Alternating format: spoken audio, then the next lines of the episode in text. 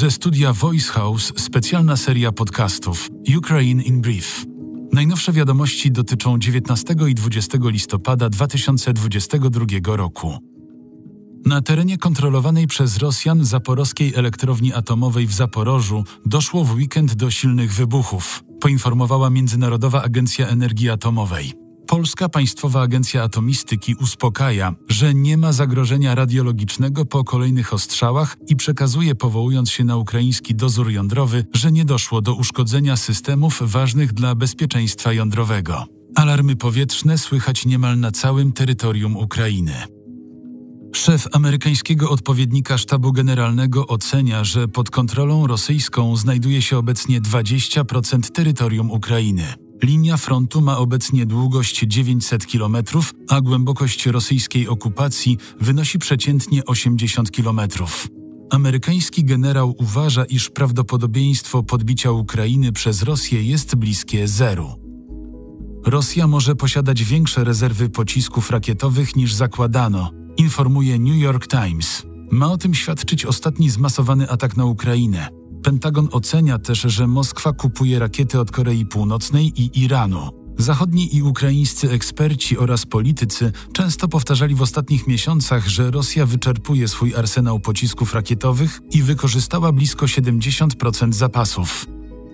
Nieformalną kontrolę nad okupowanym przez Rosję Donbasem przejmuje Ramzan Kadyrow, przywódca Czeczenii na rosyjskim północnym Kaukazie, podaje ukraiński portal Centrum Narodowego Sprzeciwu. Mają o tym świadczyć m.in. zmiany kadrowe w kolaboracyjnych władzach obwodu ługańskiego. Oprócz represji, zadaniem ludzi Kadyrowa będzie legalizowanie zbrodni tzw. Tak kadyrowców. Pierwszą decyzją nowej władzy było skierowanie na wychowanie wojskowo-patriotyczne do Czeczenii około 200 nastolatków, zaliczanych do tzw. Tak trudnej młodzieży. Ponadto rosyjscy okupanci w obwodzie ługańskim przeprowadzają rozmowy z uczniami szkół i zachęcają dzieci do donoszenia na osoby o proukraińskich poglądach, w tym na własnych rodziców, informuje Centrum Narodowego Sprzeciwu. Eksperci wojskowi cytowani przez opozycyjne radio Echo Moskwy oceniają, że w styczniu w Rosji ruszy nowa fala mobilizacji, która tym razem ma być nieczęściowa, a powszechna. Przywódca Białorusi Aleksandr Łukaszenka podziękował Bogu za wycofanie się z białoruskiego rynku amerykańskiej firmy McDonald's.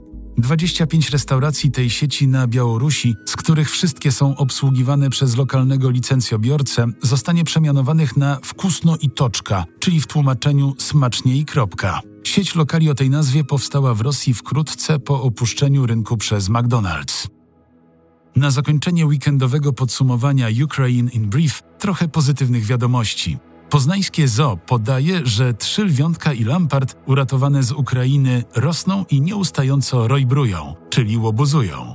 Dzięki współpracy z amerykańską Fundacją Międzynarodową, Fundacją na Rzecz Dobrostanu Zwierząt, lwiątka wyjadą do azylu w USA, a lampart do azylu we Francji.